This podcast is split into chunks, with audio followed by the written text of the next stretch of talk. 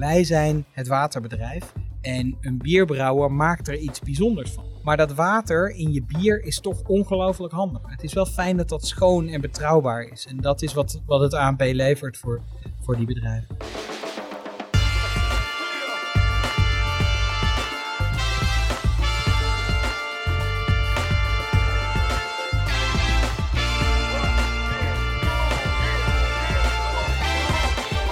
Hallo, goedemorgen, goedemiddag, goedenavond wanneer je dit ook luistert en welkom bij de Brief, de podcast over content, marketing en jawel, media. Vandaag is het een maandagavond, het is 17 augustus 2020, het heeft eindelijk weer eens een keertje geregend. Maar aan de overzijde van deze mooie tafel mijn waarde vriend en collega en het zonnige gezicht en bol, Matthijs Stielman. Bol? Nou? Een zonnige bol. Oh, Ik wil een zonnig gezicht zeggen, maar je zit een beetje achter de microfoon, dus dat kan ik niet helemaal zien. Eh, wat, eh, wat is jouw gevoel over dat noodweer wat er over ons land is getrokken? Om het maar even op een clichématige manier te beginnen, deze aflevering. Eh, ik hun hard nodig. En ik vond het wel mooi om te zien ergens gisteravond. Je wordt oud, hè? Ja, een beetje naar buiten turen, een beetje nadenken. Beetje nadenken. Ja. Oké. En heb je nagedacht over de beste content natuurlijk? Ja, natuurlijk. die je hebt gezien? Deze heb ik speciaal voor jou geselecteerd. nou, vertel. nee, dit is een onderwerp wat ons allebei zou moeten boeien, eh, Mark. Namelijk de, waarin onze beide disciplines samenkomen. Eén data van mijn kant en aan de andere kant eh, design vanuit jouw kant. Infographics. Ehm, Oh. De Infographics Awards van eh, 2020 zijn uitgereikt door de, de website slash instituut eh Malofeach heet het, denk ik. Kijk vooral even in de show notes voor de link. Ehm, ja, dat is prachtig. Dat is echt, eh, er komen zulke mooie dingen uit waarin data op een hele bijzondere manier gevisualiseerd wordt. Eh, voorbeeld daarvan is eh, eentje van Reuters, waarin zij visualiseren ja, hoeveel plastic wij sinds een aantal jaar gebruikt hebben op de schaal van Manhattan bijvoorbeeld. Dus dan zie je gewoon de berg plastic, hoe hoog die zou zijn in, in verhouding tot, tot Manhattan. Onwijs vet vormgegeven, dus echt mooi om te zien. Een ander voorbeeldje wat erin stond is The Atlas of Moons van eh, National Geographic. Dus dat zijn gewoon alle manen in ons zonnestelsel. Gewoon super mooi vormgegeven en eh, ja, heel tof. En, en uiteindelijk de, mijn persoonlijke favoriet. Ik, volgens mij heb ik hem wel eens getipt ook, of we hebben het erover gehad in deze show. Maar eh, de New York Times Privacy Project, waarin ze dus op basis van openbare locatiedata die iedereen's mobiele telefoon verzamelt. ehm, ja, mensen eh, hebben kunnen achterhalen eh, wie ze exact zijn. Ik geloof dat het eh, de persoonlijke bodyguard van Donald Trump was of zo, waar ze gewoon de identiteit van hebben kunnen achterhalen. En dat is ook onwijs vet vormgegeven op, op de site van de New York Times. Dus ja, die was wel echt mijn persoonlijke favoriet. Tof. Ja. Wat is dat, dat Male- Malefi, Malefi Ja, ik heb, graphics? ik heb hard zitten zoeken, maar mijn, eh, wat, wat ik kon vinden is dat zij dit dus echt doen. Dus zij geven boeken uit met infographics erin en die awards. Oh. Dus het is echt een, een, volgens mij is het een instituut gespecialiseerd in, eh, in infographics. Dus eh, ja, super interessant. Tof. Tof. Infographics. Ja, vind je het wel leuk? Je hebt, mij, je hebt me geboeid en ik ga het in de show notes bekijken, Matthijs Top. Top. Morgen verwacht ik verslag. En dat eh, komt eh, in drievoud naar je toe, via de mail. En ik heb het ook een printje op je bureau, bij deze. Goed, snel eh voordat dit ontaart in een oeverloos hoer eh tussen mij en Matthijs. We hebben natuurlijk ook een gast meegenomen. Eh, onze gast betrad de wereld van de media via de nobele treden der journalistiek. Was verslaggever bij het gerenommeerde Duitse Die Welt. Deed op de Universiteit van Harvard onderzoek naar de innovaties op nieuwsredacties. Werd daarna correspondent van, eh, in de Verenigde Staten voor zowel BNR als NRC. U wel bekend bij datzelfde NRC. Werd hij daarna ver- plaatsvervangend chef bij politiek en bestuur, de redactie daar. En daarna plaatsvervangend chef op de, op de redactie van economie. Ik struikel bijna woorden. En uiteindelijk in 2015 ging hij dingen doen in online, want hij ging NRC Online leiden. In 2018 verkocht hij zijn ziel deels aan de commerciële en richtte hij de Story Network op. Dat was een bureau dat contentstrategieën ontwikkelde voor merken. Werkte tussendoor ook nog als contentstratege bij het welbekende Dept. Maar zijn band met de journalistiek bleef eigenlijk altijd nog, want hij was bestuurslid van het Stimuleringsfonds voor de Journalistiek. Gaf les op de masteropleiding journalistiek op de Universiteit van Amsterdam. En toen ging de telefoon en belde het ANP, want ze zochten een nieuwe hoofdredacteur. En onze gast zei, ja, we hebben het over de hoofdredacteur van het Algemeen Nederlands Persbureau, Freek Staps. Goedemiddag. Dag Freek. Zit, had ik alles, heb ik alles afgetikt? Of zat Nee, het, het stemt nederig als je het eh, zo voorleest. Maar gelukkig deed je het heel snel. Top. Ja, dankjewel daarvoor. Hoe is het met je? Nou, uitstekend. Ja? Het is, eh, het is een, eh, een spannend nieuwsjaar. Ja, dat kan stellen, ja. Dus ehm, ja, dat is voor journalisten natuurlijk altijd raar. Hè? Je weet dat journalisten zijn we niet... Nou ja, dat, dat weet je ook met jullie achtergrond. Maar zijn natuurlijk hele vreemde mensen als een, eh, als een vliegtuig hier laag over zou komen, dan heb je de meeste mensen die dan een paar stappen naar achter doen. En eh, als, een, als datzelfde vliegtuig uh, laag overkomt, dan kijkt de journalist in ieder geval eventjes uh, of het wel goed gaat.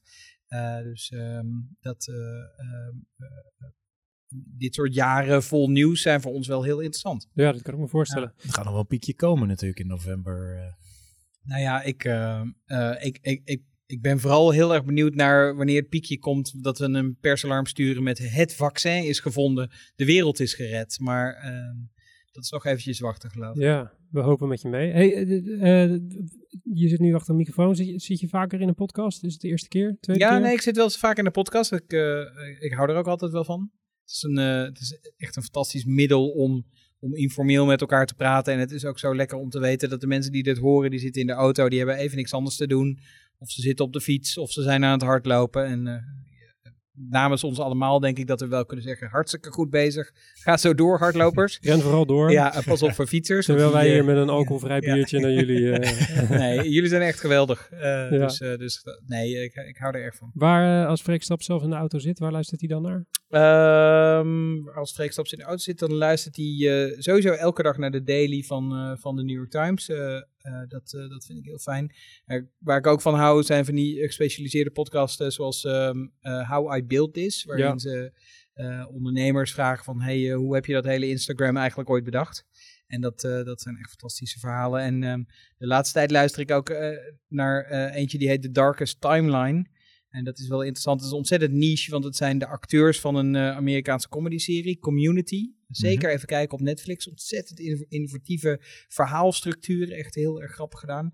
Maar die acteurs zitten zich ook te vervelen. Dus die zijn gewoon met elkaar aan het, uh, aan het podcasten.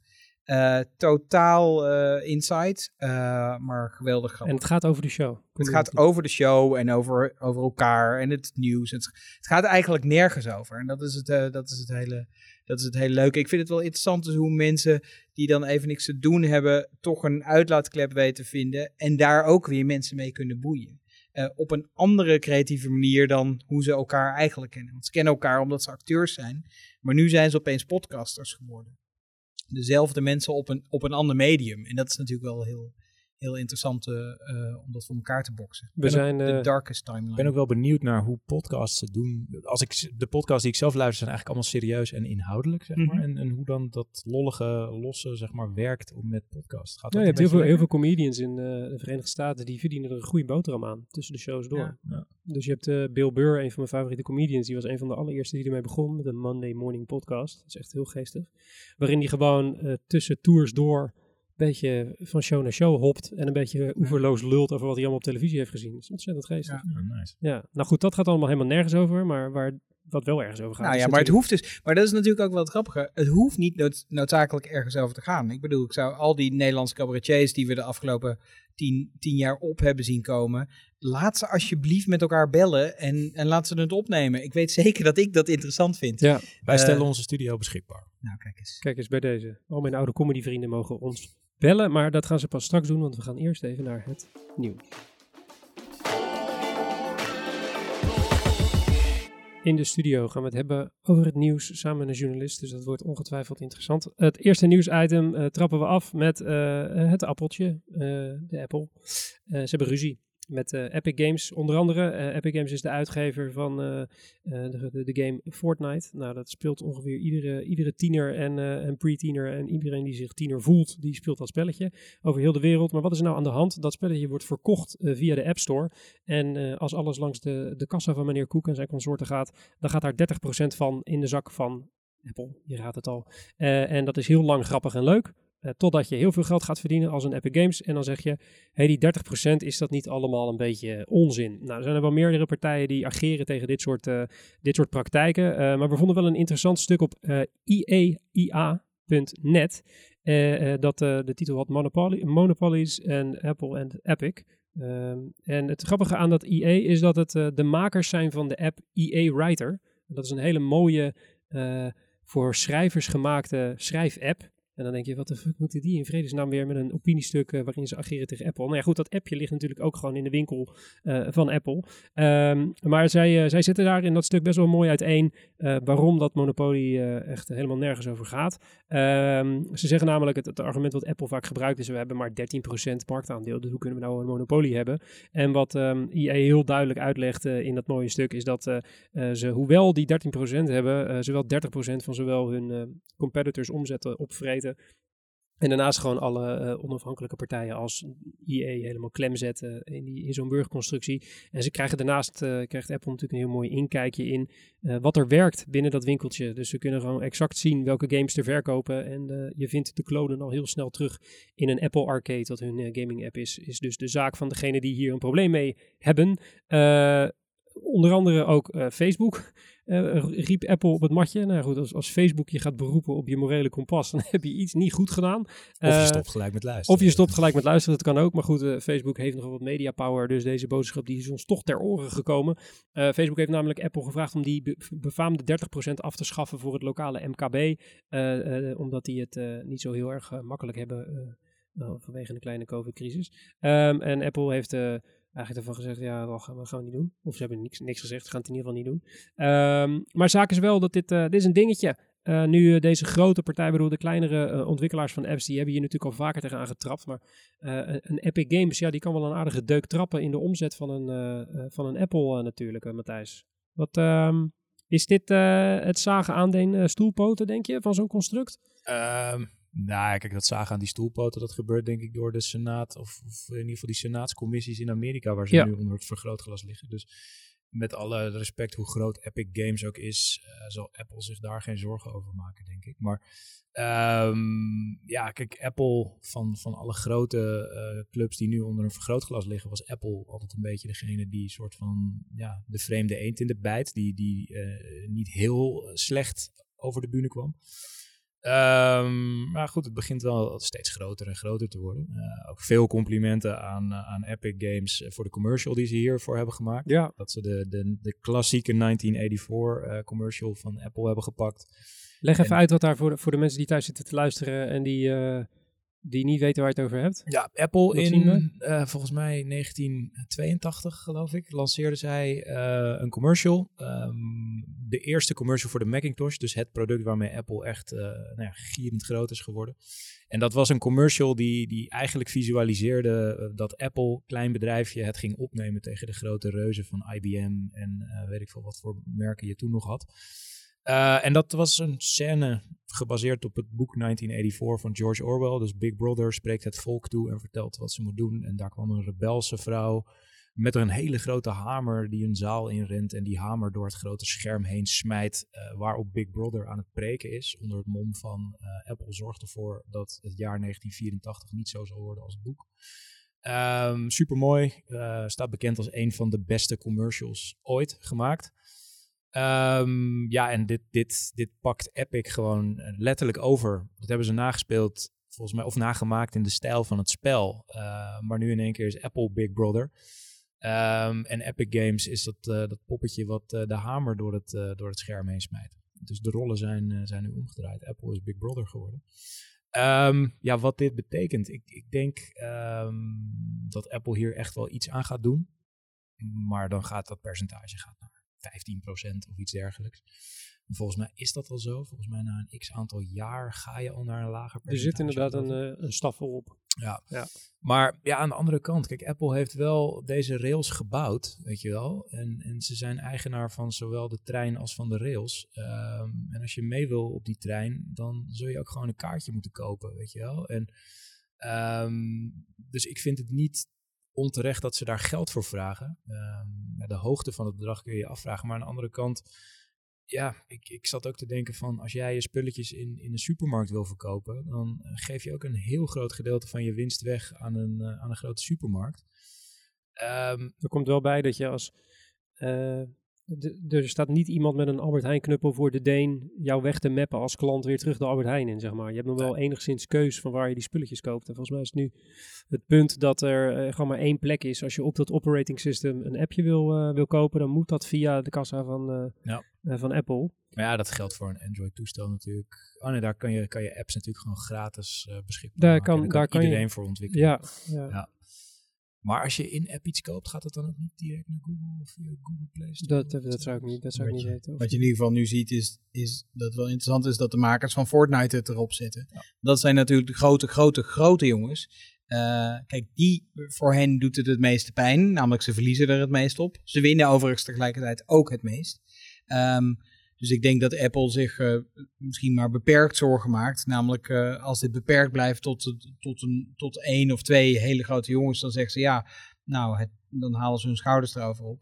Het is natuurlijk eh, je- zoekt natuurlijk als maker een omslagpunt waarop heel veel kleine jongetjes ook zeggen: hé, hey, maar waarom moeten we die 30% afzeggen? Ja. Maar ja, Apple weet natuurlijk ook dat die, ook die kleine jongetjes hebben, nou wat je al zegt, eh, ze hebben die rails gelegd. Die kleine jongetjes of die kleine spelers hebben Apple wel, wel zo hard nodig dat je het systeem in ieder geval niet heel snel ziet omdraaien. Dat, eh, eh, Nou, en, en het gekke aan dit systeem is, dat bedenk ik me ineens, dat kijk, als jij een appje koopt, heb ik zoiets van, daar mag Apple gewoon wel een stukje van claimen. Maar het is ook, als jij dus dat appje al hebt gekocht of gedownload, en jij koopt iets in die app, Ja, dat is ook 30%. daar moet je ook over Mhm. betalen. En Ja. dat is, de, dat is waar, het, waar het scheef gaat. Ja, sterker nog, als je eh, een eigen, een, je kan niet eens een eigen betaal optie invoegen Ja. als appmaker zijnde, want dan eh, word je meteen gevlekt, wordt je, wordt je app eruit gehaald. Ja. Dus daarom zijn veel van die apps gewoon, eh, als je ze installeert, moet je eerst even langs een website om je te registreren. Daar wordt eventjes eh, afgetikt. En eh, dan mag je het appje gebruiken met een, Ja. eh, met een activatiecode of iets dergelijks. Ehm, ja, ik denk wel dat ze door de knieën gaan hoor. Op niet al te lange termijn. Om gewoon die hele eh, ja, antitrust ellende te, te voorkomen. Dat hier wel iets mee gaat gebeuren. ja, Ook omdat Apple eh, meer geld heeft dan dat ze op een eh, gemiddeld eiland kwijt kunnen volgens mij. Dus eh, ze kunnen het leiden. de vraag is een beetje wat het alternatief is. Hè? Dan krijg je een, een alternatieve app stores, krijg je dan op het, op het operating system. Ja, of een eerlijke betaalmodel. Kijk, je hoeft natuurlijk niet meteen die App Store open te gooien. Want Of een ander be- betaalmodel. wat, dat wat Apple natuurlijk wel maakt tot Apple is dat zij alle apps gewoon checken. en zorgen dat, dat er nou ja, in de meeste gevallen gewoon veilige dingen op je telefoon terechtkomen. Ja. Ehm, en ja, dat is wel uniek voor Apple. Ja, Dus, eh, maar in een eerlijker betaalmodel, misschien op basis van de hoeveelheid downloads, dat je in de staffel komt. Dus dat je de kleinere eh, dingen op die manier gewoon wat meer geld gunt. Ja. En inderdaad, de epics eh, van deze wereld, die gewoon miljoenen gebruikers hebben, dat die wat meer betalen. precies. We gaan het erover hebben, Matthijs. We houden het in de gaten. Ja. Nou, ik was eigenlijk een bruggetje naar het volgende nieuwsitem. Dus we moeten het erover hebben. Oh, dat bedoel ik werd er een beetje verdrietig van, maar toen dacht ik, we moeten het er toch over hebben. Ja. Jij gaat zeggen? Coca-Cola. Coca-Cola. Foutje. We moeten het over hebben. Kleine inleiding doen? Is niet best, hè? Nou ja, Nee. nee, nee, nee. nee. Eh, Coca-Cola die dacht, eh, de coronacrisis gaat alweer een beetje los. We hebben daar een hoop van geleerd met z'n allen. Daar gaan we een campagne over maken. Eh, die campagne eh, werd groots aangepakt en, en werd omschreven als poëtisch door, eh, door diverse media. En ehm, ja, dat heet Open Like, you're, like Never Before. En gaat uit van de gedachte dat we niet terug hoeven naar de normale gang van zaken. Dat het alleen maar beter is geworden door, door wat we hebben meegemaakt. Ehm, en dat we allemaal een stap vooruit zetten en de wereld niet alleen anders maken, maar ook beter. Ehm, dus laten we vooral met z'n allen heel veel leren van, eh, van deze periode. Nou, nou je het zo omschrijft, dus vind ik het echt een briljante hoor. campagne. Echt, eh, ik heb trek in cola ineens. Ik weet niet waarom. Eh, nee, goed. Wat zie je in de campagne? Eh, de frisdrankfabrikant die eh, wil voornamelijk horecapartners een hart onder de riem steken. Dus de hotels, cafés, restaurants. Die eindelijk weer, eh, weer mensen mogen ontvangen. Eh, na een tijd van extreme uitdagingen natuurlijk. Ehm, en, en zij vormden natuurlijk altijd al het hart van de samenleving. eh, al dus Coca-Cola. Eh, ja, dat resulteerde in allerlei, allerlei abris met, met mooie zinnen en dingen die wij als, als consument vooral wel of niet moesten doen. Ehm, met als hoogtepunt eh, iets wat een, een hele grote steiger die bekleed was met de tekst: Ik zeg nooit meer dat er te veel toeristen zijn in de stad, eh, midden in de pijp, waar mensen best wel veel last hebben van toeristen en daar behoorlijk over klagen. Eh, ja, en toen ging het een beetje los. Ja, maar die, A- die Abri hebben ze weggehaald, want er was gewoon stront aan de knikker. Ja. En daarnaast, het is ook allemaal, het is, bedoel, het, eh, het immer objectieve adformatie noemden ze het een, eh, een grootse campagne, een poëtische campagne. Ik vind die televisiecommercial ook gewoon een beetje kut, als ik heel eerlijk ben. Oh, die heb ik niet gezien. Nou, dat is, dat is een, een, eh, door een, een dichter opgelezen nou, gedicht met dezelfde toon. Ik zal nooit meer dit en we gaan dit en het is allemaal zo hoogdravend als de pest. Ja. Ik kreeg er een beetje Kardashian of Kendall Jenner Pepsi Cola vibes be- van.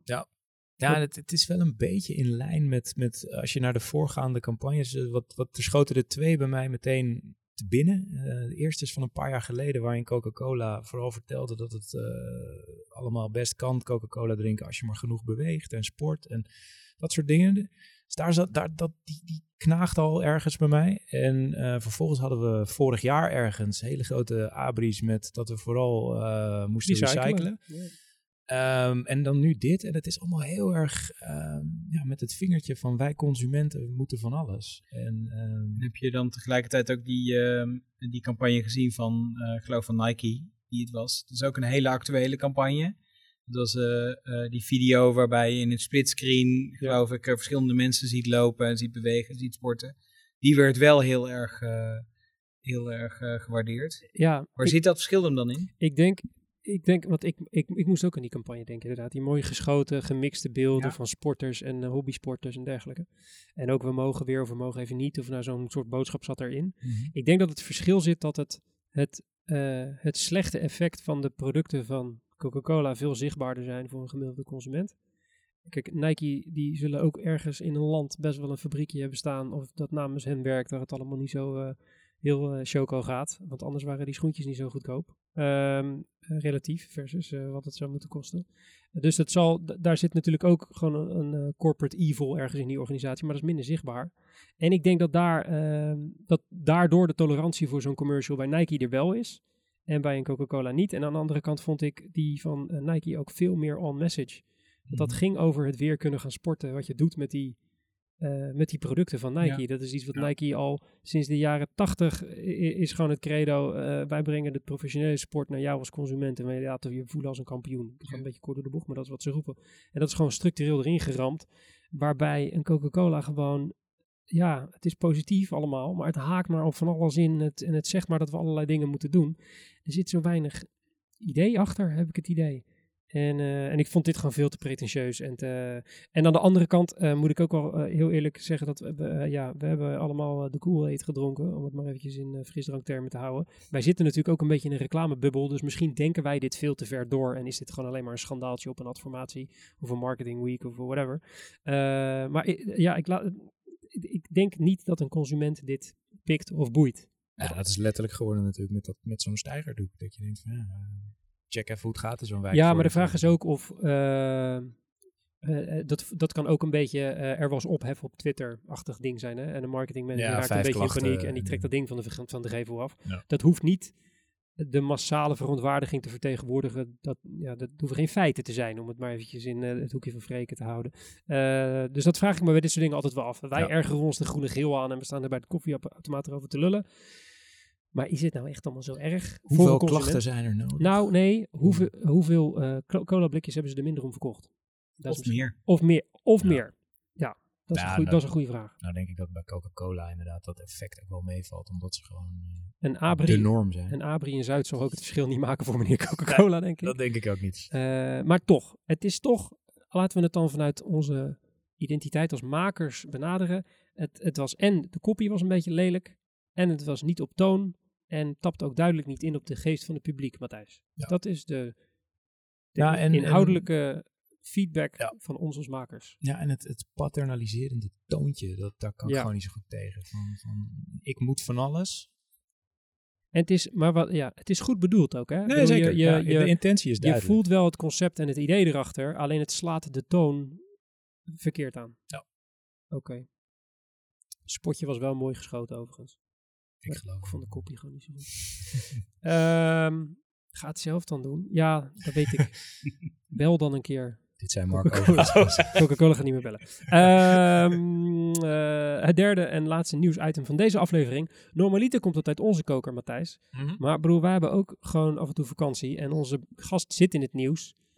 Dus wij gingen er gewoon vanuit dat jij wat nieuws mee zou nemen, Freek. Je hebt er altijd gewoon nieuws bij. hè? Ja, dat heb ik gewoon bij me in mijn- in mijn, in mijn contract meestal. Vertel. Nee, maar ehm, eh, als we het over campagnes hebben, eh, heb ik eh, wel, wel iets uit de, van de moeder aller campagnes mee, namelijk de Amerikaanse presidentsverkiezingen. Ik, ik heb ze ook even uitgeprint en meegenomen. En toen jullie het zagen, zeiden jullie: Is dat allemaal van vandaag? Ik heb allemaal e-mails uitgeprint die ik vandaag heb gekregen van Donald Trump hemzelf. Eh, of, eh, of mensen die namens hem Dus werken. dat doet hij de hele dag. Dat doet hij de hele dag. Twitteren en mailen met, eh, met Nederland. Nee, dit zijn eh, voor me liggen eh, iets van ehm, negen e-mails die ik de, eh, vandaag heb gekregen. Eh, dus dat is alleen nog maar eh, sinds ik wakker ben. Met allerlei, eh, ehm, allerlei soms eh, dwingende mededelingen dat ik echt geld moet overmaken. Of een boek van Donald Trump moet kopen. eh, waarin hij dan bijvoorbeeld eh, zegt: eh, één e-mail. Subject is eh, I wrote you a note. En dan heeft hij eh, zijn eigen boek heeft hij zogenaamd eh, mijn, mijn naam ingeschreven. Een andere is You have been selected. En dan ben ik alleen maar geselecteerd om geld over te maken. En een andere is, even denken, eentje, eentje heeft alleen maar als subject breaking news dubbele punt. En ik denk dat ze vergeten zijn dan erachter te zetten wat dan het breaking news is. Of weer een andere is, this is important. Dus voor alle, alle marketing, eh, marketingmensen, zo kan je dus ook eh, campagnes voeren. Gewoon ongelooflijk gaan lopen stolken. En, eh, en hopen dat ik op een of andere manier geld, geld betaal. Heb je al gestort? Nee, nee maar even full disclosure. Ik, ik krijg al deze e-mails omdat ik ooit bij een campagne was en dan moet je je inschrijven. Dus dat hebben ze natuurlijk wel echt heel slim, slim gedaan. En wat ze dus ook doen, er zitten allerlei hele, eh, hele slimme marketingtrucjes in. Eh, namelijk, eh, ze, ze, ze eh, doen dus alsof ik... alsof er een persoonlijke band is met Donald Trump. Hij zegt ook, soms zijn de e-mails van... Do I see you tonight? Of Come have dinner with me. En, een, en ze mailen ook altijd midden in de nacht. Als het in Nederland midden in de nacht is, krijg ik mails van Are you asleep? Ehm, dus ze stemmen hem ook op tijd af. En ze verpakken hem ook vaak als, eh, als eh, kleine polletjes. Dus dan moet je ja, op nee, ja of nee klikken. Dus hier staat bijvoorbeeld: Do you agree that President Trump is going to rebuild our nation's economy to be even stronger than it was before? Dus ik moet voor de duidelijkheid het er wel of niet mee eens zijn dat president Trump de economie nog beter gaat maken. Dan moet ik op ja of nee klikken. En dan staat er gelukkig ook nog achter: The president really, in hoofdletters, wants to know what you think, Freek. Eh, dus dat vind ik wel aardig. Eh, maar, maar ik weet niet of, het, eh, ehm, of, ik, of ik ga klikken dan wel, dan wel betalen. Ik ben wel benieuwd wat er gebeurt als je gewoon stort. Nou, Dus als je tientje overmaakt. helemaal niet. Kijken wat er dan gebeurt. Of ik dat denk dit niet dan gewoon dat ik vanavond dan ga eten met Donald Trump. Waar ik benieuwd naar ben, is wat er in november gebeurt. Stel dat hij verliest, eh, stoppen deze e-mails dan? Want ik, op een of andere manier, ik vind het nu nog wel grappig. eh, maar tien e-mails van dezelfde afzender op een dag krijgen, ook al is dat Donald J. Trump himself, eh, dat geloof het bijna wel. Voelt een beetje eh, Dus, eh, opdringerig, hè, Eh, bijna. beetje, beetje. Ja, nee, Als, als Coca-Cola dit zou mailen, dan zou ik op unsubscribe klikken. Maar in dit geval wacht ik nog heel eventjes. ja, ja, ja, het kan bijna niet anders dat die adressen gewoon verhandeld worden, toch? Als er niet meer, dat gaat gewoon richting een datamining bedrijf, denk ik. Daarna bedoel je? Ja, dat kan bijna niet anders. Ja, of, ehm, ja, of misschien probeert hij... Je krijgt ineens aanbiedingen voor Trump steaks en eh, Trump kleding. dat en zou ik dan wel voor leuk Trump vinden. Dat TV. ze opeens een heel ander product Ja, dan politiek gaan proberen te verkopen. Ja. Het zou je ook niet verbazen als dat gebeurt. ja, eigenlijk. toch? Of dat ik dan eh, aanbiedingen krijg om goedkoper in zijn hotels te Ja, een beetje golf op Ja. Mar-a-Lago. Ik vraag me dus wel af, want hij, hij, het, is, het is geen eh, geheim dat hij nogal achterloopt op zijn funding. Hè? Ik bedoel, Ja, eh, staat... Ja, sorry. oh, staat dat? Heb, Nee, heeft maar dat eentje is inderdaad van, zijn, eh, van eh, Bill St- Stepien. Dat is zijn nieuwe campaign, eh, Ja. campaign manager. De subject line van die e-mail is ook... We need to pick it up. Het is gewoon een Eh, interne mail die je hebt gehad. Want er staat inderdaad wel van... I just went over August fundraising numbers... and we're pacing a little behind. Dus eh, Ja, hij zegt wel, dat ja. je moet dokken. En dan mag ik overigens kiezen 30 dollar, 120 dollar, 90 dollar of 60. Dus voor slimme mensen, waarom die volgorde? Ja. Eh, waar word ik eh, 30, 120, 90 of 60? Daar zit vast een hele, hele slimme eh, gedachte achter. Ja, of hij is gewoon gerandomized om te kijken welke combinatie het het beste doet. Waarschijnlijk. Waarschijnlijk is dat het. En dan krijg ik die morgen weer. Ja, bedankt. Precies. Ja, het is, het is eh, fascinerend. Ik vraag me af of die, want hij, lo- hij loopt nu achter, dus nu werkt het niet. Maar hij is ooit gekozen en toen werd hij geroemd om zijn digitale mediacampagne. Daar zaten een paar hele slimme mensen Even achter. voor de record, hij loopt niet achter. Hij, er, zijn, de, eh, er zijn polls die zeggen, als er vandaag verkiezingen zouden zijn, zou die misschien niet winnen. Ja, ja, Ik- ja nee, ik, ik doe even de zijn, eh, feiten. ik bedoel zijn, eh, ik bedoel, nee, daar ben jij voor. Je, be- corrigeer me gerust, want ik, eh, ik ben het, sinds dat ik mijn jo- journalistieke eh, ah, je hebt het nog wel. schoenen in de bo- bomen heb gehangen, dat is niet eens een uitdrukking, eh, is mijn morele kompas Aan de volledig out of the window.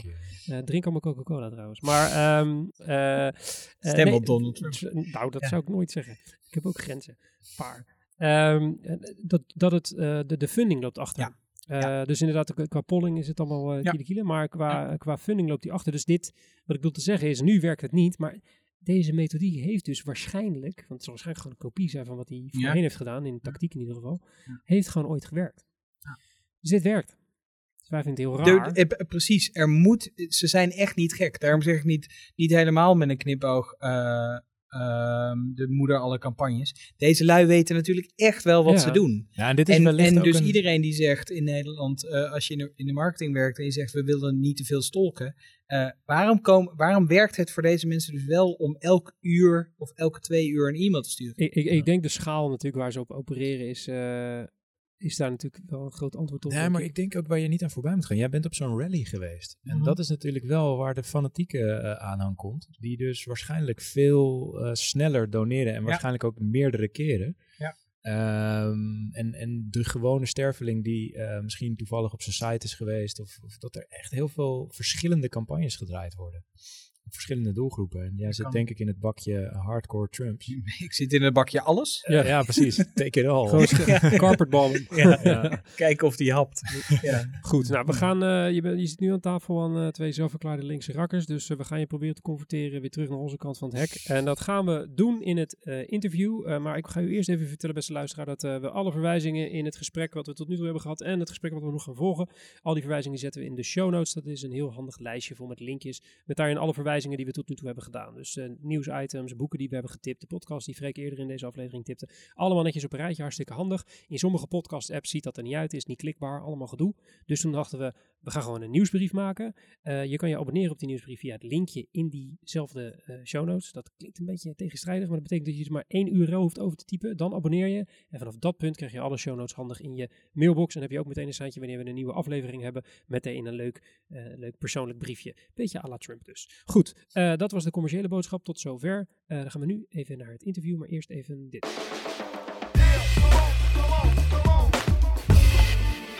Laatste deel en eigenlijk het belangrijkste deel van deze aflevering is zoals iedere aflevering het interview met onze gast. En die werkt in dit geval, zoals u nog weet, bij het ANP. Het persbureau dat ruim 8, eh, 85 jaar al, eh, alweer bestaat. 1934 uit mijn hoofd zijn ze opgericht. Eh, en eh, iedereen ziet ANP overal bij staan. Iedereen doet alsof ze heel goed weten wat een persbureau doet. Maar ik durf te zweren dat een hoop van onze luisteraars stiekem geen flauw idee hebben. Nee, maar dat is ook helemaal niet erg. Wat doen jullie? Ehm, we zijn van het nieuws. Nee, weet je wat er. ehm, eh, ik, ik probeer het altijd zo uit te leggen. Ehm, ooit eh, kwamen een hele hoop eh, mediabedrijven bij elkaar en zeiden, en dat was in 1934, en zeiden tegen elkaar: waarom gaan we eigenlijk allemaal naar diezelfde rechtszaak? Waarom gaan we allemaal naar diezelfde persconferentie? Waarom schrijven we allemaal een nieuwsbericht over eh, dat, eh, dat auto-ongeluk, of dat weer, of dat neerstortende vliegtuig? Zelfs in 1934, denk ik dan maar. Ehm, en toen zeiden ze eh, in Nederland, net zoals in alle andere landen, ja, zullen we sommige dingen aan de achterkant van ons werk gewoon niet samen gaan doen. Eh, eh, denk aan, aan kranten die, die samen hun, hun kranten laten bezorgen door, door, door gedeelde bezorging. Ehm, maar dat kan je dus ook met heel erg bazaal feitelijk nieuws doen. Dat is wat een persbureau doet. Dus een persbureau maakt de hele dag, in ons geval uh, uh, uh, onder andere nieuwsberichten, voor de media. Um, elk Nederlands mediabedrijf op een, heel, op een, op een paar namen, eigenlijk bijna elk Nederlands mediabedrijf heeft een abonnement op het ANP en mag daaruit putten wat ze willen. Dus of je nou uh, NRC Handelsblad bent, de Telegraaf, uh, het journaal, um, weet ik veel, uh, Radio 1 journaal, BNR of de talkshow van Jinek, die hebben allemaal een abonnement op het ANP. En die gebruiken dat als een soort Netflix abonnement. Hè? Iedereen betaalt gewoon mee en dan put je daaruit wat je wil. Um, dat is een beetje de kern. Dus eigenlijk heb je gewoon heel, je basale nieuwsgaring heb je uitbesteed. En dat is verder niet erg, want de meeste mensen consumeren niet al het nieuws. Dus uh, de meeste mensen lezen een nieuwsbericht alleen maar in Tubantia of uh, bij de NOS. En dat nieuwsbericht komt dan in beide gevallen, uh, in dit geval, bij het ANP vandaan. We maken iets van 250 nieuwsberichten per dag. En die kunnen, uh, kunnen al die, uh, die media kunnen dat gebruiken. We maken iets van uh, anderhalf duizend foto's per dag en die kunnen al die media gebruiken.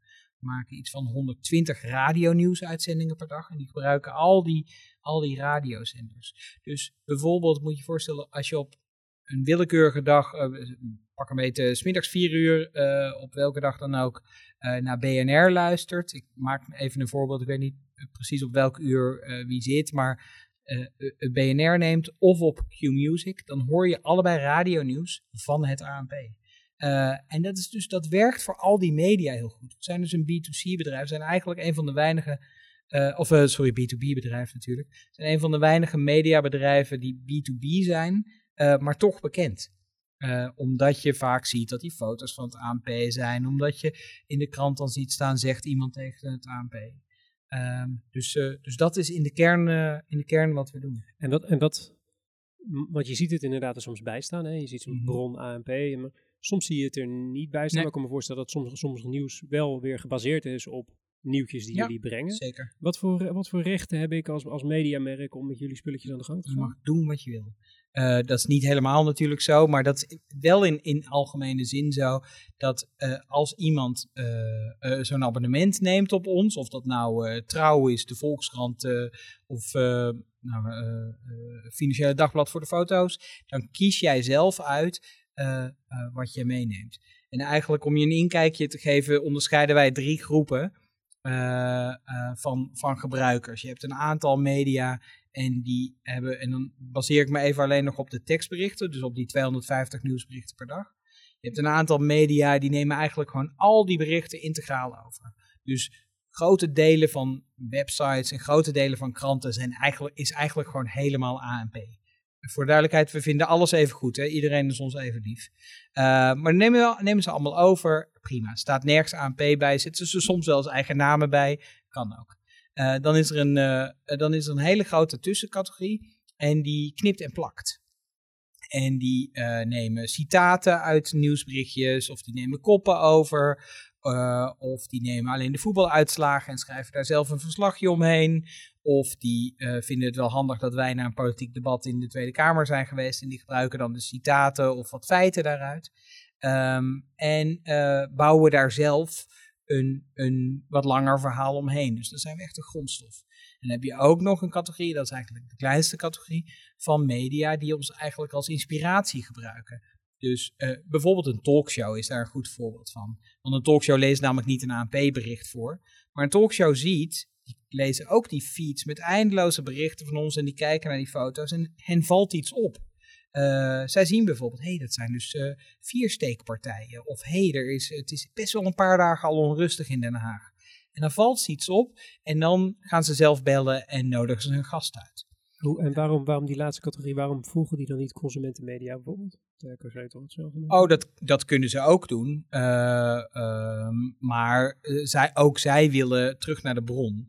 Kijk, de ANP is een soort hele feitelijke bron. En ik vraag, uh, jullie hebben nou uh, biertjes op tafel staan. En is wel, wij, wij, vergelijken, we zetten onszelf graag neer als een, als een waterbedrijf.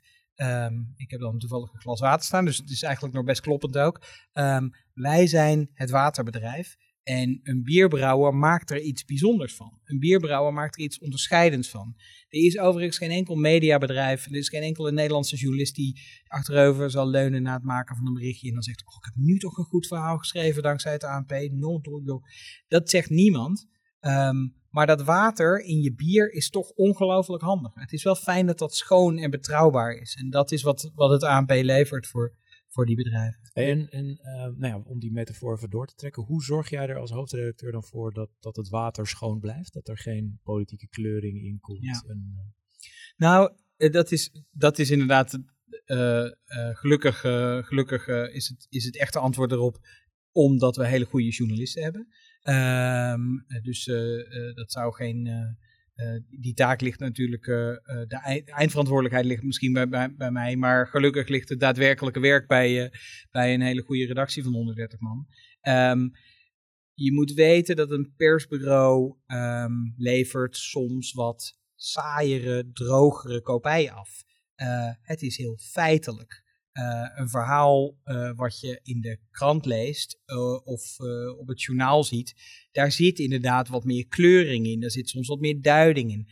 Um, als, dat, dat willen onze afnemers helemaal niet van ons. Die willen graag gewoon de feiten weten, zodat zij daar hun eigen biertje van kunnen brouwen.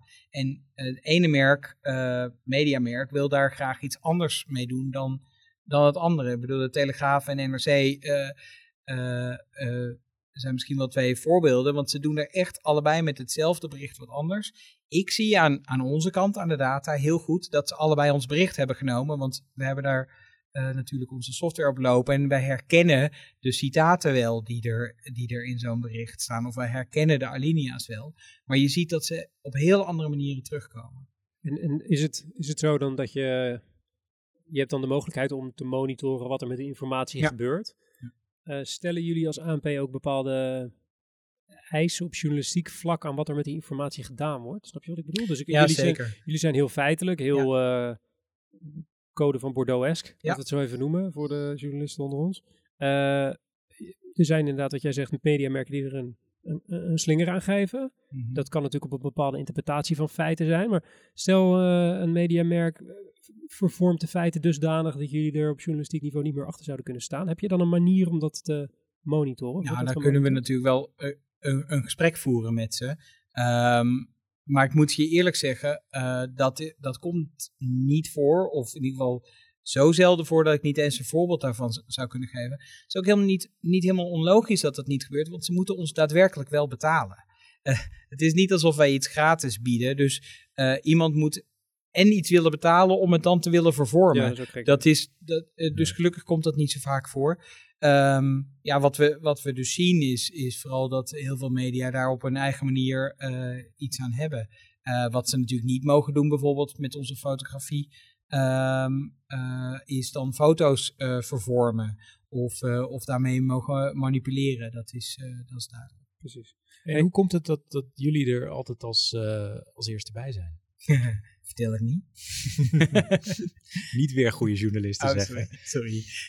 Nee, nou ja, um, een deel waarom we er als bijna altijd als eerste bij zijn, is simpelweg ook omdat het zo is ingericht. Het, even, ik, ik geef je nu niet het spannende antwoord, maar een beetje het, het, praktische antwoord. Hoe werkt het aan de, aan de achterkant? Heel veel media um, hebben dit dus uitbesteed aan iemand er als eerste bij zijn, namelijk aan het ANP. Uh, als er uh, bijvoorbeeld, um, wat, wat er misschien wel het, het beste voorbeeld is als er iemand overlijdt, heel veel, wij worden heel veel door families gebeld. Die zeggen dan, um, die of die persoon is overleden en hij was minister van ontwikkelingssamenwerking in de jaren tachtig. Ik verzin nu maar wat. Um, dan zijn we als eerste. Dus dat is de, de praktische journalistieke kant. Maar onze, onze journalistiek is er ook op ingericht om, om heel snel te zijn. Vroeger hadden we in elk dorp dan tipgevers zitten. En die belden dan en zeiden, hier is een groot auto-ongeluk gebeurd. Uh, dat hoeft nu natuurlijk niet meer nu, want we hebben daar gewoon onze systemen voor. eh, dat we dit, dat we dit kunnen volgen via social of, of andere manieren. Um, maar het is gewoon eigenlijk, ik bedoel, ik kan er een heel spannend verhaal van maken. Dat kan ik ook heel goed uh, uh, als, je, als, je dat, uh, als je dat zou willen. Feiten, als, feiten. Feiten, dan zeg ik veel feiten. En dan, en dan zeg ik ook van ja, wij houden er ook van om als eerste te zijn. zijn we trouwens niet altijd, hè. Soms is iemand anders gewoon als, als eerste.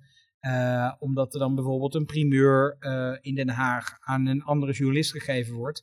Ja, kan heel goed. En dan zijn we een keer niet als eerste. Maar dat is ons niet erg, want wij concurreren niet met media. Uh, wij zijn geen concurrent van onze afnemers. Wij zijn een dienstverlener. Um, en is het zo dat dan Stel, uh, je, je, die, die situatie op het, uh, op het Binnenhof. Journalist van de Telegraaf heeft een, heeft een scoop. Mm -hmm. Schrijft het ANP dan, meldt het de Telegraaf? Of zeggen jullie dan dat nieuws is in de openbaarheid? Dat, dat is dus nee. al daar. Nee, dan gaat dus. Dat is, dat is echt heel interessant dat je het vraagt. Want wat de, hoe jij redeneerde was inderdaad als een mediabedrijf. die, die de consument bedient. Uh, namelijk, nu weet Nederland het wel. Dat was jouw redenatie, denk ik. Als, als zo, ja, ja. zo interpreteer ik hem. Wat bij ons gebeurt is iets anders. Namelijk, wij, hebben, wij, wij bedienen de Nederlandse media. Dus wij moeten ons afvragen, oké, okay, de Telegraaf uh, vertelt dit nu in jouw voorbeeld. Maar betekent dat dat het journaal en weet ik veel, en de Volkskrant en Trouw het ook weten? En als ze dat niet weten, dan is dat onze functie om dat te verspreiden. Want wij zijn niet meer zo dienstbaar aan hen. Dus dan sturen we iets uit en dat heet dan een Media Watch. En dan zeggen we, hé hey jongens, let eens op. In dit geval, Telegraaf heeft een fantastisch verhaal. Even attentie. Ah ja, dus heb je gewoon ja. een format voor. Ja. Uh, waarin je de media monitort. Ja, en zo hebben we iets en dat heet een persalarm. En uh, uh, dat, is, dat is dus heel grappig. Als wij een persalarm versturen, dan gaan er in heel Nederland op alle redacties gaan heel veel telefoons heel erg piepend af. En, en, dan zie je ook echt, nou ja, ik heb ook lang op een, op een andere redactie gewerkt van de krant. En dan zie je ook echt iedereen eventjes opletten van, hé, hey, wat is er aan de hand? Uh, en dat gebeurt een, een, paar keer per dag. En het, dus dat heeft echt wel attentiewaarde. De, de, dat persalarm is uh, onder de loep genomen, zo'n uh, twee jaar geleden. Maar toen zat jij er nog niet? Of zat je er nee, ik zit er een jaar nu. Precies. Dus wat is daar precies mee gebeurd ten opzichte van hoe het was? Nou, wat we, wat we vooral hebben bekeken is van wat is nou eigenlijk een persalarm? Wanneer sturen we een persalarm? En de reden waarom is dat, dat als je zoveel verschillende klanten hebt, dat is namelijk best wel interessant. We hebben hele grote klanten uh, die elkaars concurrent zijn en ook nog eens heel anders zijn. Of je nou over een talkshow hebt of een radioprogramma, totaal andere manier van met nieuws omgaan. En we moeten ze allemaal bedienen. Uh, en wat dus nieuws is voor de ene, is geen nieuws voor een ander. Bijvoorbeeld uh, boerenprotesten in Den Haag. Um, dat was alweer vorig jaar dat het begon. Ik moet echt even nadenken, omdat alle tijd door elkaar heen loopt. Maar toen de boerenprotesten vorig jaar Den Haag platlegden, stuurden wij best een aantal persalarmen. Uh, namelijk snelweg afgesloten of uh, uh, arrestaties gedaan. Um, er was een krant waar collega's of, of oud-collega's van, van een krant in, in Amsterdam die mij toen zeiden: Ja, wat heb ik hiermee te maken met, deze, met jouw persalarmen? En ik kan me niet concentreren op mijn werk. En dat is heel logisch dat iemand zo reageert, want dat hoeft niet noodzakelijk jouw nieuws te zijn. Uh, maar aan de andere kant, uh, Trouw wil het misschien wel weer weten of, uh, of het AD. Dus voor ons is niet de, um, de, de overweging, um, is dit nieuws voor iedereen? want daar is simpelweg geen begin aan. Maar is het nieuws dat een groot deel van onze, consument, of onze afnemers, namelijk Nederlandse media, toch wel moeten weten? Dus dat is voor ons een, voor ons een persalarm. En je hebt ook, uh, ook, ook, zakelijke klanten die dit ook hebben en die vinden dat heel plezierig, want daar kunnen ze op, uh, op acteren. Hey, en je, je zei het al, de tijd loopt een beetje door elkaar heen. Je begon net uh, de introductie met, het is voor journalisten, en parafraseer ik een beetje, een, een mooi jaar, omdat er zo ontzettend veel gebeurt. Het een bijzonder jaar. Een bijzonder jaar, ja, mooi is misschien een verkeerd gekozen woord. Um, jullie doen rechtbankverslagen, mm -hmm. sportuitslagen en, ja. en, een evenementenagenda. Mm -hmm. Die mensen die hebben het uh, druk gehad. wat wat nou, gebeurt er dan aan, aan, de, aan de klantzijde? Die betalen wel voor die services. Ja. Waar dan niet zo heel veel meer op gebeurt. Nee, nou Daar ja, kunnen jullie ook niks aan doen. Nee, nou uh, grappig genoeg was het, het leuke dat ook de sportjournalisten hadden het daadwerkelijk heel druk. Uh, want dat bleken ook gewoon hele goede coronajournalisten te zijn. Uh, dus we, nee, in de zin van, die boden zich aan en die zeiden, hey, ga dan nu niet naar Tokio. Maar er is wel een ander belangrijk nieuwsverhaal, kan ik helpen? Dus dat is dan wel leuk. Um, maar er waren helemaal dit jaar uh, uh, geen, geen klagende afnemers, want onze relevantie En ik weet dat dat een woord is dat, eh, dat veel, eh, veel merken graag, eh, graag gebruiken. Maar onze relevantie was dit jaar eh, nou, totaal niet omstreden. Als, als media, als onze afnemers dit jaar iets nodig hadden, was het eh, snel nieuws, feitelijk nieuws, waarvan we allemaal weten dat eh, dat klopt. Dus eh, ik heb afnemers niet gehoord over dat het jammer was dat we geen Olympische Spelen hadden. Ehm, maar wel dat het fijn was dat die, dat die hele goede sportjournalisten ook, ook konden helpen. Ja, Ja. kan me voorstellen. Hey, je, je, je zei net zelf, we zijn een B2B-dienst. Mhm. Ehm, je bent gekocht door Talpa. Nou, niet jij persoonlijk, maar ANP in 2018. Ja. Ehm, meneer De Mol zit in de consumentenmedia. Jullie hebben toch aardig wat resources in huis om een consumentenmerk niet te worden, maar te ondersteunen of te, te, te lanceren. Meneer De Mol zat heel lang achter nu.nl aan. Hebben we uit wandelgangen en eh, stiekem ook wel in een klein beetje de media-openbaarheid vernomen. Ik ben een beetje dingetjes met elkaar aan het verbinden. Is, is, da- is daar, borrelt er daar iets? Is er iets? Je bent heel erg veel dingetjes aan elkaar aan het verbinden. nou ja, ik, ik denk... Dit eh, is, dan- is dit dan het enige moment dat ik zeg, laten we bij de feiten blijven? eh, dat, Ja. zou, dat zou... Dat zou eh, Ga je die kaart nu al spelen? Ja, Weet je dat zeker? Dat zou Maar absoluut... het is nu wel noodzakelijk. Oké. Nee. Weet je, ehm, eh, eh, Talpa is, eh, eh, Talpa, het, eh, het mediabedrijf van, van John Wall, is eigenaar van het ANP. Sinds twee jaar. En ehm, dat, was, dat was voor sommige van onze afnemers best even, best even schrikken. Gert-Jaap Hoekman zei ook in deze uitzending hier, en het was op dat moment, dus eh, luister het zeker nog eens terug. eh, ehm, eh, zei van ja, ik moet het wel even kijken, ik wil het wel even aanzien hoe dat dan gaat. Ehm, wat het bijzondere is aan ehm, eh, één is dat een persbureau in een ideale wereld altijd van mediabedrijven is. Zo is het ANP ook begonnen. Dus je hebt natuurlijk altijd gewoon graag dat er, eh, dat er mensen zitten die, die hard voor het nieuws of voor eh, journalistiek hebben. Dus dat is, dat is het ene. Afnemers dachten misschien eventjes kijken wat er dan gebeurt met die journalistiek. Wordt die straks gekleurd? Staat in elke, eh, staat in elke, artikel eh, iets over Talpa? Het mooie is aan, aan Talpa is dat ze eh, absoluut onderkennen wat de kracht is van het ANP. Maar, en dus ook wat je er aan stuk zou kunnen maken. Je hoeft maar één keer een ANP-bericht te hebben waarin je zegt dat, eh, dat er iets wat bij Talpa gebeurt. eh, eh, Vanavond in de Voice of Holland. nou, ik, noem het maar op. Als we dat een keer in een rechtbankverslag zouden zetten, dan heb ik natuurlijk meteen allerlei afnemers aan de telefoon. Dus het mooie is, Talpa weet dat ze, dat ze afstand houden wat dat betreft. En ik kan je ook berichten na één jaar, ik heb nog niet één, niet, niet één persoon gehad die zelfs ook maar gehint heeft op iets wat journalistiek was. En dat vind ik wel heel plezierig.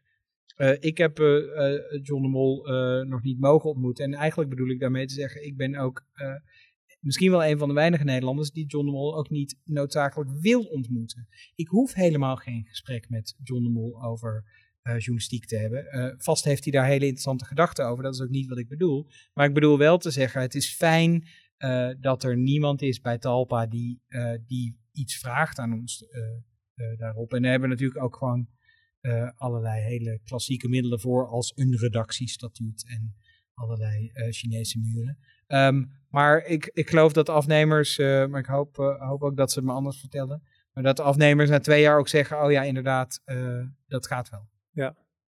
Oké. Ga ik niet doorvragen op het B2C-ding. Daar heb je mooi, Oh, heb je mooi, jammer. heb je mooi omheen gepraat. Ehm, Ik dacht dat ik gewoon een antwoord gaf. Nee, nee, ik, ik weet wanneer ik moet stoppen. Ehm, ik wil eventjes toe naar je, naar je rol als, eh, als hoofdredacteur. Dit is een, en je bent de derde die we in de brief eh, spreken, na eh, inderdaad het door jou genoemde Gertja Boekman van Nu.nl en Paul Jansen van de Telegraaf.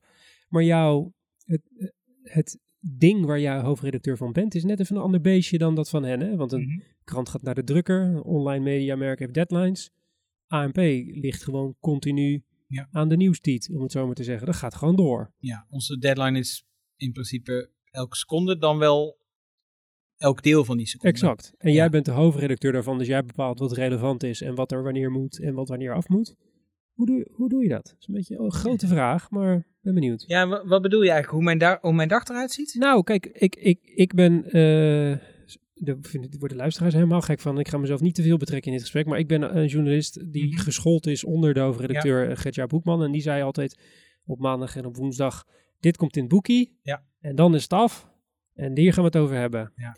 Omdat dat boekje moest op vrijdag naar de drukker. Ja. En op maandag. Eh, maar jouw boekie is iets wat gewoon doorgaat. Is Ja. dat, is dat, heb jij redactievergaderingen waarin er verhalen gepitcht worden? Gaat het zo? Of ja, het- ook. ja, ook. Het gaat inderdaad anders dan bij andere mediabedrijven, omdat daar veel meer een interpretatie van het nieuws zit. En we zitten natuurlijk een stap daarvoor. Eh, we hebben een ochtendvergadering om half tien en we hebben een middagvergadering om vier uur. En dan ook natuurlijk nog allerlei losse dingen. Maar in de kern, in die twee vergaderingen, bespreken we wat wij de komende uren verwachten dat er gaat gebeuren. Je moet weten dat we, we maken ook een agenda, eh, eh, want dat is ook weer zo typisch iets wat je met elkaar doet.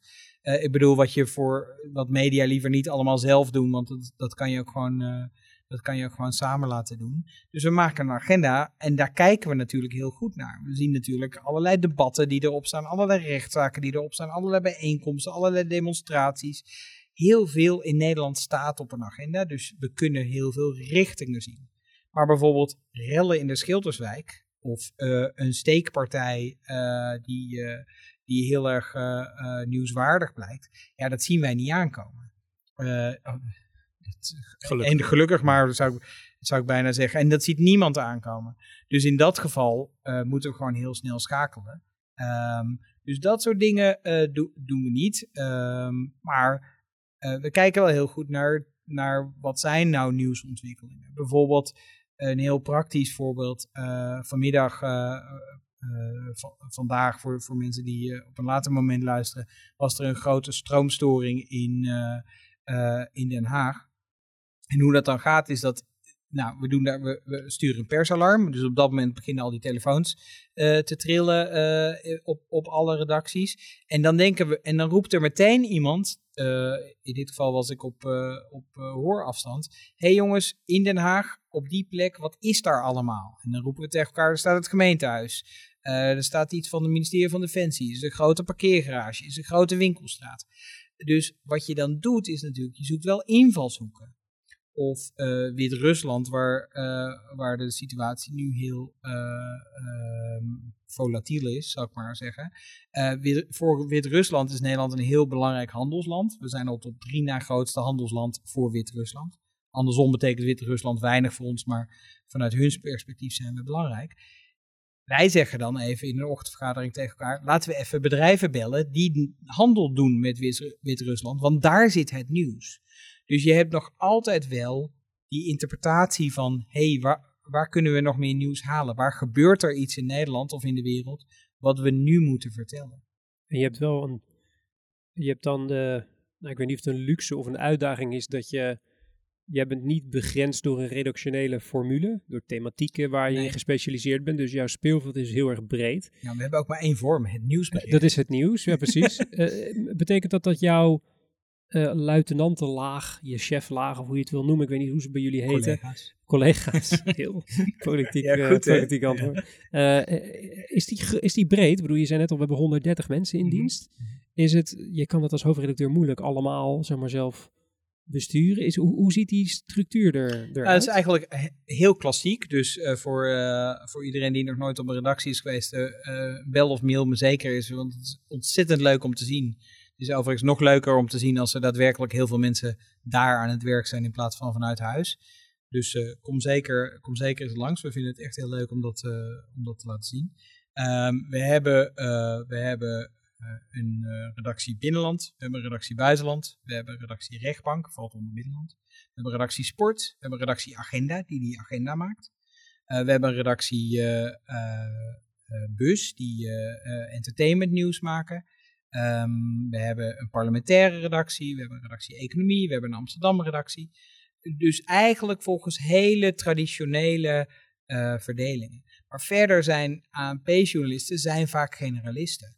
Eh, het heeft bij ons niet zoveel nut om hyper eh, gespecialiseerd te zijn op het onderwerp heelal of het onderwerp banken. Want je weet niet zo goed wat het nieuws zal zijn de komende weken of maanden op het gebied van heelal of banken. Uh, we hebben natuurlijk wel mensen bij de sportredactie die meer van voetbal weten en anderen die meer van atletiek weten. Maar reken maar dat de atletiekman ook hele goede voetbalberichten kan maken en andersom. Betekent dat dat je gewoon klassiek geschoolde journalisten in, in, in aanneemt? Is dat een beetje de, het type mens wat er dan bij jullie rondwandelt? Omdat je het hebt over uh, generalisten dan? Ja, um, uh, wat zijn klassiek geschoolde journalisten? Mensen die de school voor journalistiek hebben gedaan. Ja, we hebben... Een masteropleiding. Ja, uh, precies. die, dat soort mensen hebben we heel veel. Eigenlijk als ik, als ik één, één, als mij één ding opvalt, en ik weet nog steeds eigenlijk niet of, of mijn collega's van het ANP, of ze dat nou een compliment vinden of, of niet, maar ik bedoel het altijd als een compliment, want ANP-journalisten vallen ongelooflijk op omdat ze zo nederig zijn. Uh, het is geen ego-bende bij, uh, uh, bij het ANP. En dat is ook heel erg verklaarbaar. Een deel van, van, van journalisten wil graag gewoon op de voorpagina staan. Een deel van de journalisten wil met zijn kop op tv of op de radio. En weet je, ANP-journalisten, hun namen, het zegt jou niks. Lisbeth Buiting, je hebt geen idee wie het is. Marieke de Witte is een van de beste Nederlandse rechtbankverslaggevers van Nederland. Uh, Jacco Kaaien, de, de, de chef sport, geweldige, geweldige chef. Uh, Bouke Schram, weet je wie het is? Het is echt een fantastische uh, redacteur politiek in Den Haag. En die ken je niet en dat is ook allemaal prima. Maar ze zijn wel een van de best gelezen journalisten in Nederland op hun, op hun gebied. Dus, dus ANP-journalisten zijn gewoon zijn, zijn vrij nederig wat dat betreft. Zijn jullie het meest invloedrijke? jij als, als hoofd, ben jij de meest invloedrijke hoofdredacteur van Nederland? Nou, dat, dat vind ik echt een hele moeilijke, want het is maar net hoe je het meet. Maar we weten, ik heb sinds mijn aantreden heel erg vol ingezet op, hey, we zouden eens goed moeten meten uh, waar we nou terechtkomen. Dus we weten nu uh, een stuk meer dan, uh, dan een jaar geleden. Wat we bijvoorbeeld weten, is dat een bericht van ons gemiddeld zes keer wordt meegenomen. En dat dus in zes kranten of op zes tv's of tv-programma's terechtkomt. En dat komt omdat een groot deel van onze berichten wordt niet eens meegenomen. Dus onze top 10 wordt, eindigt vaak in 30 verschillende media. Moet je je voorstellen, iemand schrijft een artikel en dat staat binnen uren in 30 verschillende media. Ik ben een keer gaan uitrekenen wat ons bereik is per dag. Nou, dat is gewoon niet te doen. Uh, als we 120 radio-uitzendingen per dag maken, met allerlei, met, elk van die uitzendingen een bereik van honderdduizenden of zelfs wel miljoenen uh, nou ja, het wordt een, het wordt een soort onzinaantal.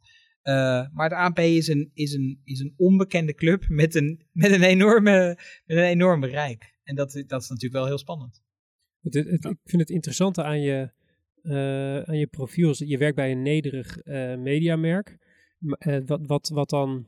Ik ben benieuwd waar deze zin heen nou, gaat. Dat, dat het. Dat het ik maak in deze show wel eens een grapje over.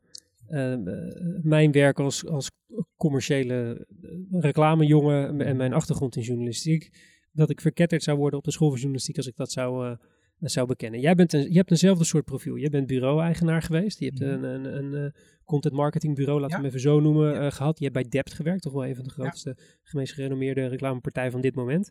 Uh, maar je werkt bij het instituut ANP, daar werd je hoofdredacteur. Met dat gemengde profiel, met dat voor 16 jaar bij NRC. Ja. ja, ja, exact. Maar toch, toch, ik kan me voorstellen, ik bedoel, ik wil, niet, ik wil niks afdoen aan je, aan je status, als, nee. aan je statuur als journalist. Hè, want, maar ik, ik weet hoe, hoe kritisch en hoe met, met gezonde argwaan journalisten kunnen kijken naar commercie. En dus ook mensen die aan de commerciële zijde van onze mediawereld hebben gewerkt. Um, jij lijkt niet vies van de commerciële kant van het vak. Is dat, is dat een, een lijn die aan het vervagen is? Of is dat iets waar je wel alleen in staat? Hmm. Ik, ik vond, vind ik een moeilijke vraag, maar wel heel interessant. In die, in die, ik heb die podcast met uh, Gert-Jaap Hoekman, uh, uh, die jullie hebben gemaakt twee jaar geleden, is teruggeluisterd. En hij vertelde dat hij begon, ik hoop dat hij me vergeeft dat ik hem parafraseer, maar hij begon bij nu.nl nadat hij bij Nieuwe Revue had gezeten. En had hij heel veel inhoudelijke, inhoudelijke gesprekken gehad. En dan begon hij bij nu.nl. En toen nou, was eigenlijk gewoon, had hij niet de, de tijd en de ruimte, omdat hij namelijk heel veel moest doen, om zich nog zo inhoudelijk met het journalistieke product bezig te houden. En dat hij zei, nou eigenlijk vind ik het ook gewoon belangrijk hoe het product werkt, overkomt, hoe de, hoe de user experience is. dat, soort, dat soort zaken. dus ik denk, als ik al over dit soort dingen nadenk, dan ben ik niet de enige die dat doet. ik denk dat een hoofdredacteur tegenwoordig gewoon heel goed moet nadenken wie de doelgroep is. En, uh, en, en wat dan precies het product is. Kijk, we leven ook in een tijd van een informatieovervloed. Twintig jaar geleden hadden we een informatietekort. Waren we op allerlei manieren aan het zoeken naar naar informatie. Weet je wel, uh, je wachtte totdat de brievenbus kletterde met, met, de, met de lokale krant. Of je wachtte tot de, papieren krant één keer per dag kwam. Of je keek s'avonds naar het acht uur journaal. er waren momenten die je zelf actief in je leven moest inrichten om informatie te krijgen. Dat is nu andersom. Er is een extreme stortvloed aan informatie. Dus als je als mediabedrijf een, een, een link en een band wil hebben met je met, je, met je doelgroep, moet je heel goed nadenken wat dat product eigenlijk inhoudt. Veel meer dan, dan eerder. En ik denk dus dat het bijna logisch is dat een hoofdredacteur goed nadenkt over voor wie doe ik dit eigenlijk. En in mijn geval uh, doe ik dit voor andere mediabedrijven. Dus ik zit de hele dag met hoofdredacties te kletsen. Uh, namelijk, hoe gaat het eigenlijk met jullie? En wat kan ik voor je doen? En uh, wat wil je uitbesteden en wat absoluut niet? Dus, nee, dus ik, ik ben er niet vies van om op die manier te denken. Want ik denk dat het gewoon belangrijk is, voor een, ook voor een journalistieke organisatie, om te snappen hoe je een zo goed mogelijk product kan leveren. En dat ons product is toevallig onafhankelijke, knijter betrouwbare journalistiek. Um, maar ik wil wel weten hoe ik dat zo goed mogelijk uh, uh, kan blijven verzorgen. Ja, dus je bent eigenlijk bijna een soort product manager en hoofdredacteur altijd al product manager willen nee, Nee. Mag je best weten. nee, maar ik begrijp wel wat je zegt. Dat je langs, die, langs de lijnen van het managen van ook, ook het product automatisch wat, in wat commercieel gedinte gesprekken terecht Maar, maar of, of benader het andersom. Uh, uh, jullie zitten bij een, bij een, bij een prachtig bureau. en daar worden hele mooie creatieve dingen gemaakt. maar die worden ook verkocht. of eerst worden ze verkocht en daarna worden ze gemaakt. Hoe dan ook, die twee werken alleen maar als ze samen optrekken. Je wil geen creatieve dingen maken voor, uh, voor niemand en je wil niet iets maken voor iemand wat, wat die klant niet wil hebben. En ik denk dat in, in de journalistiek dat er, uh, uh, dat als je maar die scheiding houdt, er is natuurlijk er is niemand die tegen mij zegt je moet nu X of Y. Um, uh, er is geen bedrijf dat tegen het ANP zegt, kan jij vanaf nu heel goed schrijven over, uh, kijk maar weer naar jullie biertjes, maar over dit bepaalde biertje. Uh, dat gebeurt natuurlijk niet. Um, maar nadenken over hoe ik mijn afnemers zo goed mogelijk bedien, ja. Hebben ze ook recht op, vind ik trouwens hoor. Ja, ja. Ik, ik kan me op, op het niveau van de afnemers kan ik me dat goed voorstellen. Ik meen dat je ooit, en stiekem in mijn notities kijken in het AD, zei dat we willen heel graag achter de tweede heuvel kijken. Vond ik een mooie uitspraak. En dan, je doelde daarmee, uh, als ik het goed begreep, op de lezer. Uh, de, de, de nieuwsconsument ja, eigenlijk. Uh, dan kom je al heel snel in een gesprek waarin de journalistieke moraal en het ophalen van data van je lezers en het wellicht alleen maar de lezers naar de mond gaan schrijven, weet je, dan kom je een beetje in dat speelveld terecht. Wat is, je, wat is jouw idee daarover? Zie je daar een gevaar in uh, dat je gaat schrijven wat mensen willen lezen in plaats van wat ze zouden moeten lezen? Nou, je ziet zeker wel de afgelopen, nou, laten we het zeggen, afgelopen decennium dat heel veel media ongelooflijk goed in de smiezen houden wat er goed, uh, wat er goed gelezen wordt. En het is wel belangrijk wat je dan bestudeert. Als je uh, alleen maar bestudeert hoeveel er geklikt wordt, ja, dan, uh, uh, zoals mensen dan wel eens de grap maken, dan eindigt elke nieuwswebsite met twaalf plaatjes van katten die op Hitler lijken. want reken maar dat dat scoort.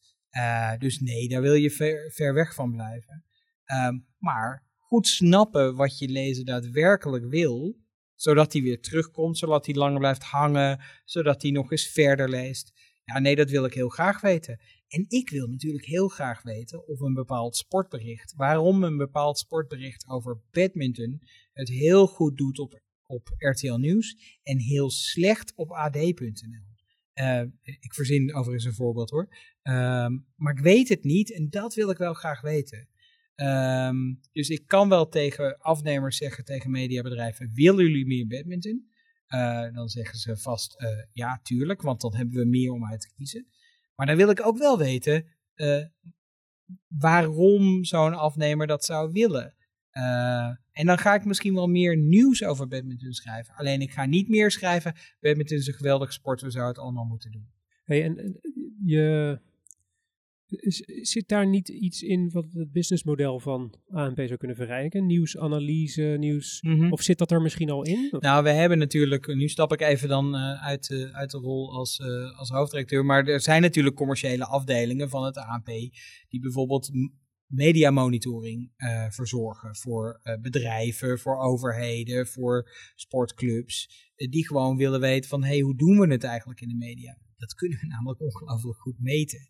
Uh, iets anders wat we, uh, uh, wat we doen is natuurlijk is een agenda maken, een specifieke agenda voor speciale sectoren. We hebben een agenda voor, voor de culturele sector, want die willen namelijk echt graag weten wat er in Nederland gebeurt in de culturele sector. Daar kan je bijvoorbeeld je, je exposities op afstemmen, daar kan je je, je persmomenten op afstemmen. Um, dus we hebben een speciale kunst- en cultuuragenda.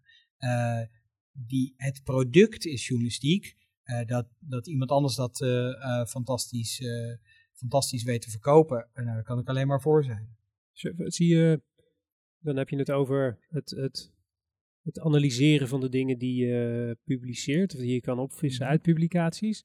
Zie je ehm, misschien een toekomstige dienst waarin je die informatie ook gaat interpreteren en misschien gaat adviseren op bijvoorbeeld merkniveau. Snap je een beetje waar ik heen wil of niet? Ja, bedoel je eigenlijk dat, uh, uh, dat uh, nou laten we, laten we even, vanaf nu hebben we het over een verzonnen, of althans over een bestaand merk, maar het is verzonnen. Ja. zullen we de lijn van de Heineken vasthouden? Want ja. dan, alleen maar omdat dus, we dus, dat al de hele tijd doen? Dat is Hertog Jan. Ja. Dat is een klant, hè? Dan moet ik, dat is product, oh, sorry. product placement nou, in audio. Dat doe dit. jij dan maar, ja. Oké, okay, nou jij, je hebt dus een, een, bierflesje voor je. En, en, en wat, wat bedoel je precies? Wat wil Hertog Jan van ons weten? Nou, stel Hertog Jan komt naar jullie toe en die zegt... wij willen weten uh, wat het sentiment is rondom speciaal bieren... en wat de, de hoeveelheid negatieve berichtgeving was versus mm -hmm. positieve berichtgeving. We willen dat weten in de regio Groningen. Ja. We zouden graag een advies van jullie hebben... Wat voor soort berichtgeving wij daar tegenover zouden moeten stellen vanuit mm. onze kanalen om daarop in te spelen. Nou, dan zit ik echt. Uh, uh, dan, als ze het überhaupt aan mij vragen, dan zeg ik: Sorry, je bent aan het verkeerde loket. En dan zal ik nog eventjes aan de commerciële afdeling doorsturen. Maar ik weet niet helemaal wat zij daarop gaan zeggen. Ik denk wel dat ze één ander ding sowieso wel kunnen zeggen. Namelijk: hey, luister, als jij meer wil weten over als jij iets nodig hebt op Hertog Jan gebied, wist jij dat wij heel veel berichten maken over de Nederlandse F&B-industrie. Uh, wij weten alles over drank. Weet je wat? We vertellen ook nog heel veel over horeca. En we hebben namelijk, pak een beet, 50 berichten per dag over horeca. Willen jullie niet van ons heel veel nieuwscontent? Precies. Die is onafhankelijk, die is betrouwbaar. Daar mag je zelfs ANP bij zetten, want dat is ook van wie die komt. Je mag er niet in knippen en plakken. Je mag niet in elk bericht zetten. Hertog Jan is trouwens ook fantastisch bier. Moet jij dan even nu zeggen? Hertog Jan is trouwens ook fantastisch. maar, uh, maar dat kunnen we natuurlijk heel goed bieden. Sterker nog, ik bedoel, in de ontwikkeling waar we het zo vaak over hebben, namelijk merken worden media, merken wij heel vaak, of in ieder geval steeds meer, dat bedrijven ons bellen en zeggen: hé, hey, we hebben eigenlijk content nodig. Maar die hebben we niet. En we hebben betrouwbare content nodig. Hebben jullie dat? En dan kunnen wij zeggen, ja, maar dat is grappig. Wij hebben echt over elk onderwerp wat je maar kan bedenken in Nederland of in de wereld. Daar hebben we natuurlijk heel veel content van. Namelijk allemaal nieuwscontent. En die mag jij ook in je nieuwsbrief zetten of op je website of, of waar dan ook.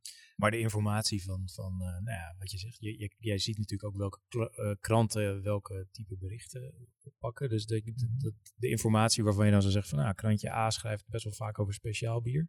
Dat soort inzichten, zou je dat ook gaan delen? Of nou, dat... ik, ik namens de redactie absoluut niet. Absoluut niet. Uh, als er iemand is die in media, media monitoring doet. Ik zou trouwens het antwoord niet eens kennen hoor. Uh, ik zou niet weten welke krant er op welke manier dan ook over speciaal bier schrijft. Uh, als iemand is die dat wel weet binnen een commerciële afdeling, prima. volgens mij doen andere mediabedrijven dat ook. maar ik, ik blijf daar ver van. Eh, want eh, ik wil namelijk dat. Ik snap ook wel dat organisaties bij ons komen om één reden, namelijk om onze betrouwbaarheid. Eh, en betrouwbaarheid is een heel snel vervliegende, eh, vervliegende emotie. Eh, dus daar willen we heel voorzichtig mee, eh, eh, mee zijn. Dus mijn antwoord zal meteen zijn: rechts die gang in. en, en derde deur, daar zit iemand en die, die wil je misschien wel verder helpen, afhankelijk van je vraag. Je, je was ooit die persoon bij die derde deur rechts. Je was ooit eh, commercieel ondernemer. Heb je af en toe nog... Voel ik je me nog steeds wel een beetje onder. Ja, nou, daar gaat deze vraag heen. Oh, Dus ik ben blij uit dat je daar... eh, eh, heb je af en toe dat je ondernemingsgevoel een beetje kriebelt als je kijkt naar bijvoorbeeld naar de nieuwsindustrie? Zie je een gat in de markt waarvan je denkt, Mhm. als ik toch deze baan niet had gehad, dan god, dan had ik dat toch meteen uit de grond gestampt. Nou, ik, het, het, de grote. Het antwoord is ja. Eh, dat, dat is natuurlijk ook leuk. En ik hoop nog steeds dat er, eh, eh, dat er ooit een moment komt. dat in mijn leven of in het leven van andere mensen. dat we dit een keer van de, van de grond krijgen. Maar volgens mij is de het grote gat in Nederland. of eigenlijk in de meeste westerse landen. is de hyperlokale journalistiek. Er zijn een paar partijen die echt goed bezig zijn. Er zijn de persgroep heeft natuurlijk echt lokaal in Nederland eh, of regionaal ook flink wat, eh, eh, flink wat vakwerk leveren ze daar. Maar het gaat slecht met hele lokale journalistiek. Media hebben het moeilijk op het lokaal niveau. Er zijn te weinig journalisten die dat willen doen. Er is eigenlijk geen goede zakelijke structuur. Geen goede business case te maken, ook op lokale journalistiek. Ehm, en dat doet me. En daar komen twee dingen voor mij samen. Namelijk, het doet een beetje pijn. Want ik hou stiekem ook wel van lokale journalistiek. Ik durf wel te verklappen dat ik ooit begonnen ben bij de Hogeveense Courant. Eh, het is namelijk gewoon een hartstikke mooie lokale krant. Ehm, en hier moet toch geld te verdienen zijn. Hoe kan het dat, dat mensen zo ontzettend met hun buurt, hun wijk, hun sportvereniging, eh, hun plaats, trots op plaatsen. Moet je eens voorstellen hoeveel mensen met elkaar in Nederland zeggen: Ik kom uit Arnhem, nee, ik kom uit Nijmegen. En dan daar allebei iets bij voelen. En dat, is, dat is hartstikke dicht bij elkaar. Er moet iets te verzinnen zijn dat we lokale journalistiek in Nederland eh, kostendekkend kunnen maken. Ehm, dat is echt een hele moeilijke klus. Ehm, maar die vind ik wel heel spannend. Als je het hebt over ondernemen in medialand. Ehm, ja, dus doe je mee? Nou, eh, Ja, het huis waar Het- wij het- zitten is het- daar natuurlijk ook druk mee. Mediahuis. Ja, nou, kijk, het is- Sorry dat ik die niet noemde. Ja, nou ja, net als dat wij net uh, Heineken moesten zeggen. Moet jij ook gewoon, eh, nee, ehm, eh, het is een hele interessante case die volgens mij alleen maar eh, vanuit techniek opgelost kan worden. Ja. En dat is de boot die je journalistiek eh, wel vaker ziet missen, is eh, heel lang eh, in een bubbeltje blijven zitten als het gaat om het zoeken naar oplossingen. Ja. En dan ineens is Blendel er en dan kunnen we ineens allemaal hele moderne eh, abonnementsvormen en beginnen we technologische dingetjes te doen en dan bedenken we ineens allemaal dingetjes voor het internet. Ik ga nu een beetje kort door de bocht. Ja, ik kijk er, als mensen mij zouden zien, dan zouden ze denken: hé, hey, wat kijkt hij bedenken? Nee, want dan, dan gaan we voorbij namelijk aan, aan, aan, aan al die media die de afgelopen 10, 20 jaar echt ongelooflijk geïnnoveerd hebben. Eh, al die kranten waren echt papieren kranten tien jaar geleden en zijn nu nieuws, online nieuwsmedia. Dat is echt bijzonder. Daar hebben we te weinig over. Dit zijn echt fantastische case studies. Ja, dat is wel waar. Maar als je het in het tijdsbestek ziet van totale technologische ontwikkelingen en ook in andere sectoren kijkt hoe snel digitalisering en hoe snel Mhm. eh, eh, de st- start-up mindset Ja. is geïnjecteerd in een, kan je toch wel stellen dat, dat nieuwsmedia specifiek een best wel een beetje late to the party was op sommige vlakken. Ehm, en ik denk, want we, we hadden het over hyperlokale journalistiek. Mhm. Ik denk dat, eh, dat als je vanuit een product, een productmanager-achtige mindset gaat kijken naar dat probleem, dat je wellicht wel eens op een bepaalde netwerkoplossing kan vinden Ja. waar je, eh, hoe zeg je het, een commercieel aantrekkelijk genoeg offer kan bieden aan eh, een adverteerder Ja. of vanuit een subscription model of iets dergelijks, dat dat zou kunnen Ik, werken. ik, denk, ik denk het ook. Kijk, we hebben natuurlijk. eh, laten we. eh, maar ik deed al zo enthousiast over het ANP, dus ik wil dat even niet zeggen dat we. Dat lokaal wij ook niet gek bezig zijn, zeg ik eh, zo bescheiden mogelijk. Eh, kijk, een deel van de oplossing technologisch hebben we al geleverd. Eh, elke, elke auto-ongeluk, of het nou in Sittard is of in, of in Sexbierum of in Groningen of in Gorkum, weten we. Dat hebben we technologisch geregeld. Dat kunnen we. Wat we niet kunnen nog, en die zou ik heel graag zelf willen, is elke gemeenteraadsvergadering. een deel van het probleem is dat, dat die uh, dat je die verslagen moet hebben. Je zou ze het liefst real-time bijwonen, want dat is nou eenmaal nieuws.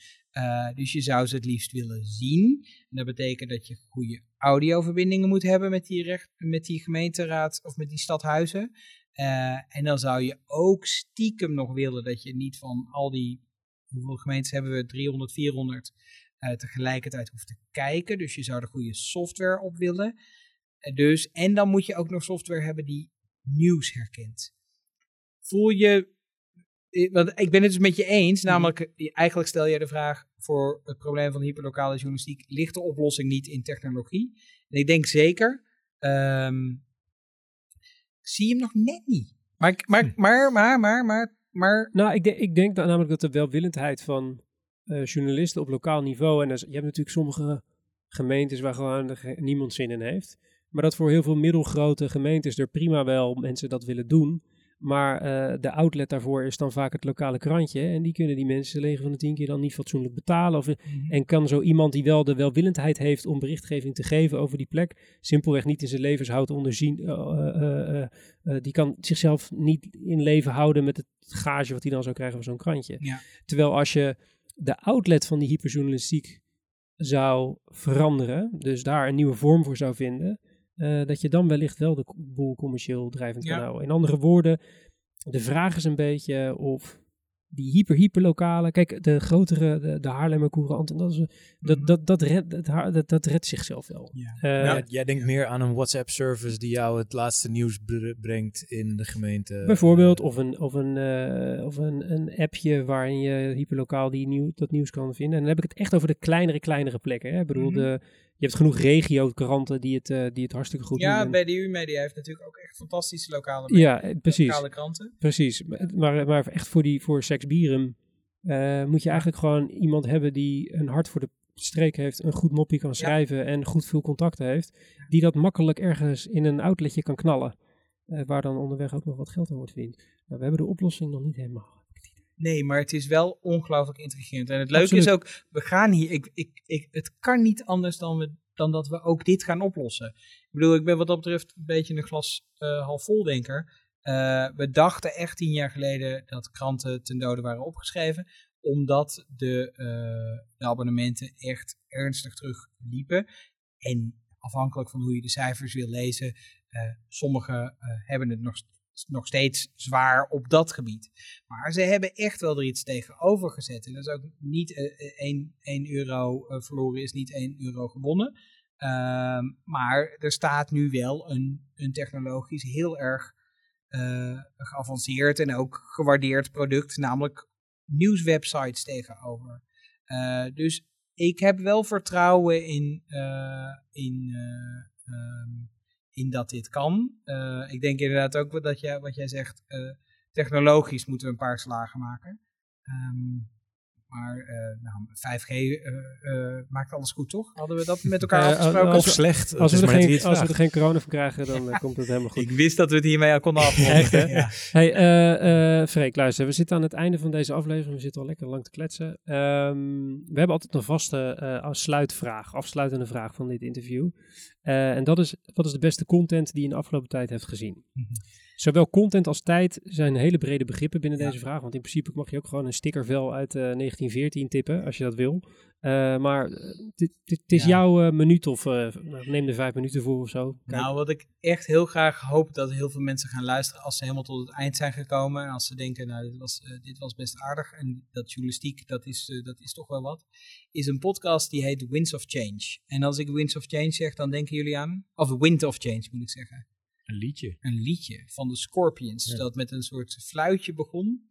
En eh, dat ging over, de, de Scorpions was een Duitse groep. En dat ging over eh, dat ze in, eh, in Moskou zo'n zo'n hele verandering in de wind of in de maatschappij voelden. Zo'n heerlijke jaren 90 power ballad. Nou, en deze power ballad is heel belangrijk geweest in de val van, de, van het IJzeren Gordijn en het einde van de Koude Oorlog. Deze power ballad kwam precies op het moment van perestroika, van Gorbachev, van glasnost, van eh, het uiteenvallen van, van het Oostblok. Nou, eh, je moet er maar eens luisteren. Eh, het is wereldwijd, omdat hij met name daar heel populair is, is het het, het bekendste rocknummer ter wereld of iets dergelijks. Nou, het komt in allerlei lijstjes heel hoog. En nu is er een, een journalist en die heeft een vriend en die, die vriend die werkt bij de CIA. En die vriend die zegt opeens, hey, ken je dat nummer dat die Duitsers hebben gemaakt waar, waarom die Russen eh, eh, eh, de Koude Oorlog hebben beëindigd? Dat nummer, zegt die man van de CIA, dat hebben wij geschreven. wow! En dat, Ja, is het, en dat is het uitgangspunt van deze podcast. En dit is echt een geweldige journalist. En die zoekt in zes afleveringen uit. Ik ga het niet vertellen hoe het afloopt, maar ik ga je verklappen, dit wil je horen. Hij zoekt in zes afleveringen uit hoe het komt dat dit nummer. eh, eh, nee, ik zeg verder niks. Eh, maar een, een, van de teasers die ik wel kan geven is de, de man, de zanger van dit lied. Was, deze band was in, inderdaad in Moskou. En daarna heeft die zanger dit lied geschreven toen hij daar rondliep en met allerlei mensen sprak. Deze zanger had daarvoor nog nooit een nummer geschreven. Dus uit het niks schrijft hij een nummer dat opeens overal hoog in de, in de ranking staat. Op allerlei cassettebandjes door eh, gedeeld wordt door allerlei Russen. Nou, dit is echt een fantastische podcast. Als je houdt van een verhaal vertellen, nadenken over je boodschap, eh, een mooie journalistiek avontuur. Als je ook nog wel eens naar de top 2000 luistert en, Winds of Change van eh de Scorpions, zo heten ze. Als je dat nummer kent, nou, ehm, ja, de Wind of Change, dit moet je luisteren. Is, die, is dit een zelfstandig gemaakt ding of is het vanuit een netwerk gemaakt, dat, die podcast? Nee, het is zelfs, eh, hij is gemaakt door, dan moet ik even nadenken, ehm wil Gimlet Media zeggen, Oh ja, het, Ja, het eh, bekende eh, podcastbedrijf. Ik weet het even niet zeker, maar ongetwijfeld in de show notes. In de show notes. Ik maar Wind of Change, straks. het is echt een fantastisch avontuur. Wind of Change, Freek Staps, hoofdredacteur van ANP. Dankjewel Freek. Kom, Dankjewel. kom je snel weer een keertje? Leuk, leuk. Gezellig, zien we je dan. Matthijs, Yes. ga je de regen in? Eh, gaan we eerst nog een colaatje drinken en lekker naar Infographics kijken? Dat lijkt mij hartstikke gezellig. En dan zie ik jou eh, over eh, twee weken of stiekem gewoon morgen. Zeker. Gezellig. Ehm, mocht u nou iets hebben gehoord in deze iets wat langere aflevering, het was hartstikke gezellig, waarvan u denkt, hé, dat vond ik interessant, daar wil ik meer over weten, dan is er een hele grote kans dat dat staat in de show notes. Die vindt u in een lijstje in de beschrijving van deze aflevering, zoals ik eerder al gezegd heb. En we hebben ook een nieuwsbrief en daar kan je hiervoor inschrijven. En er is een linkje en het is allemaal fantastisch. Allemaal handig in je mailbox, iedere keer als we een nieuwe aflevering hebben. Ben je al geabonneerd? Hartstikke goed gedaan. Ben je dat nog niet? Foei, foei, foei. Heel snel doen. Zeg tegen je collega's dat die dat ook moeten doen, of dat zij dat ook moeten doen. De brief wordt gemaakt door Wayne Parker Kent. Productie in de handen van de onvolprezen Björn Zwagerman en de onvolprezen Famke Halgera. Hebben allebei geen microfoon, maar die gaan wel wat zeggen. Eh, de volgende aflevering is over twee weken te gast. Dan Nick Nieuwenhuis van Code d'Azur. Gaan we het weer heerlijk hebben over bureautjes. Mijn naam is Mark Schoones. Dank voor het luisteren en tot de volgende keer.